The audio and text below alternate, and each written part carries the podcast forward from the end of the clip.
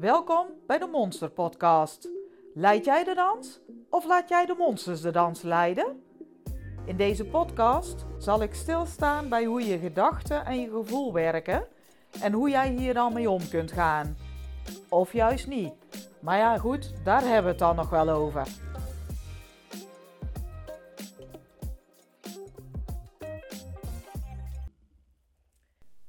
In deze Monster Podcast gaat het over het getal 13, over ongeluk, over geluk en een aantal dingen die daarbij horen. Ik leg je wat uit en ik geef je wat te denken.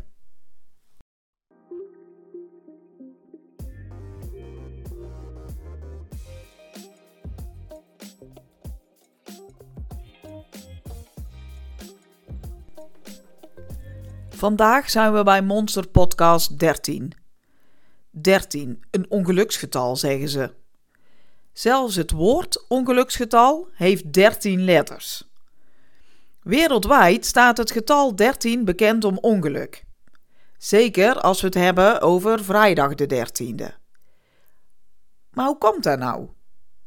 Naar verluid heeft dit te maken met het christendom. 12 wordt gezien als een goed getal, want er zijn 12 apostelen twaalf stammen van Israël. Ook de openbaringen hebben uh, ook allemaal iets met twaalf te maken. Want Jezus kwam weer tot aarde. Het nieuwe Jeruzalem wordt gesticht.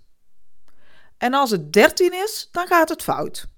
Althans, zo is het ontstaan, want Jezus zat met twaalf apostelen aan tafel. Dat maakt 1 plus 12 is 13 waarna hij direct daarna werd verraden door Judas. Jezus zou gekruisigd zijn op een vrijdag. En zo geschiet dat vrijdag, tussen haakjes, de dertiende, als ongeluk te boek komt staan. Er zijn hierna nog veel zaken te noemen die ongeluk zouden brengen. Nee, dat bedoel ik zo niet. Ik bedoel die te maken hebben met het getal 13. Um, want er bestaat bijvoorbeeld geen rij 13 in het vliegtuig. En een flat heeft geen dertiende verdieping.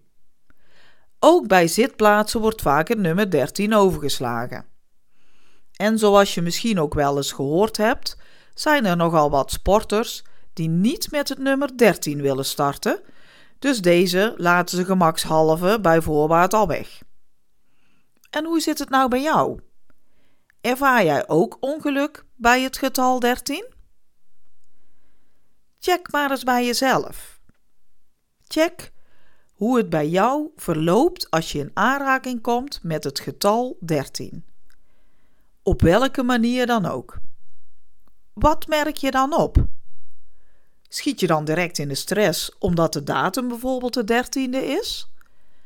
En zeker als het dan ook nog eens vrijdag is? Of ga je gewoon door met wat je wilde doen? Laat je je niet door afleiden. En hoe gaat het bij jou als je iets krijgt waar het getal 13 op staat of bij hoort? Bijvoorbeeld als je als dertiende in de rij staat of je bestelling nummer 13 is. Wat gebeurt er dan? Merk je allereerst al op dat het getal 13 erin staat of gaat het aan jou voorbij? En moet iemand anders het eerst noemen. En als je het opmerkt, hoe ga je er dan verder mee om? Wil je er niets mee te maken hebben en zou je het liefst het nummer gelijk wisselen? Of is het niet zo erg? Het kan alle kanten op gaan. Kijk gewoon even voor jezelf hoe het bij jou gaat. Misschien is het wel zo dat je er zelf niet zoveel om geeft, maar dat de omgeving er vaak heftig op reageert of nou ja, heftig, uh, dat ze er steeds wel iets van gezegd moeten hebben.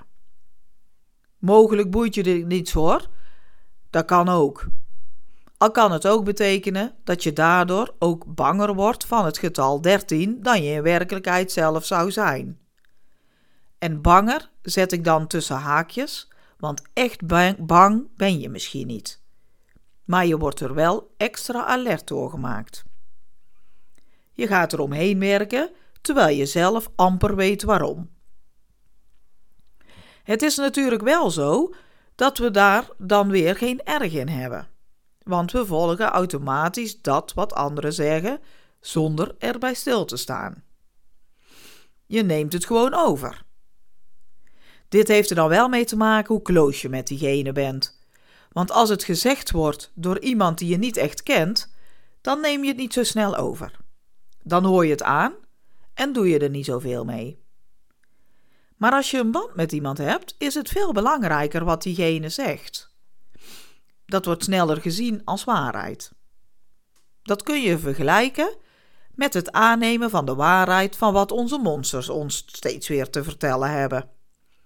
We nemen het gewoon over zonder te kijken wat we er zelf van vinden. Het zal wel zo zijn. De uitdaging is nu om meer te gaan letten op wat je allemaal hoort en wat je er dan mee doet. Neem je het gewoon aan, zonder erover na te denken? Of doorloop je nog eens opnieuw en weeg je af wat je er zelf van vindt? Dit geldt zowel voor wat anderen zeggen als wat jouw monsters jou steeds vertellen. Weeg af of je erachter kunt staan of het klopt wat jou gezegd wordt. Terug naar de dertiende. Want we gaan nog even terug daar naartoe, want daar had ik het in eerste instantie over. Want het is nogal wat dat we ons vaak door zoiets laten leiden. Dit gebeurt meer met van die ongeluksdingen, zoals een zwarte kat of een ladder waar niet onderdoor gelopen mag worden. Uiteindelijk is het allemaal gewoon bijgeloof. Sommige mensen hebben daar houvast aan, maar sommige ook juist weer niet. Die worden er helemaal gek van of kunnen bepaalde dingen niet doen omdat dit in de weg staat. Als dit het geval is, dan heb je er ongemak van en dat is niet handig. Wat we hierin kunnen zeggen is dat het de vraag is of we ons er zo door moeten laten leiden. Of dat wel zinvol is. Want wat heb je er werkelijk aan? Als je het goed bekijkt, zul je merken dat het meer een bijgeloof is dan dat er werkelijk iets fout gaat. Waar het vooral om gaat, is hoe jij er naar kijkt, wat jij daarin gelooft. Er zijn namelijk ook mensen die 13 als hun geluksgetal zien. Prins Bernard was zo iemand. Nou weet ik niet uh, hoeveel geluk hij werkelijk heeft gehad, maar volgens mij heeft hij een tevreden leven geleefd. Iedereen heeft zijn ups en downs. Hij dus ook. Niks mis mee. Zoals ik al zeg, gaat het dus vooral om hoe je naar de dingen kijkt. Het kan soms ook helpen om bijgeloof te hebben. Dat zien we terug bij een klavertje 4.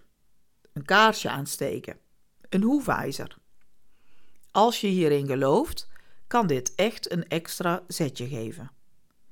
Alleen al dat geloof wat je erin hebt, maakt dat je het idee hebt dat je bijvoorbeeld gaat slagen voor je rijbewijs. Je vertrouwen is groter, waardoor je zekerder bent dat het lukt. Het gaat dan ook echt beter. Het blijft alleen zo dat ook hier het meer toeval is dan het werkelijk een toegevoegde waarde heeft.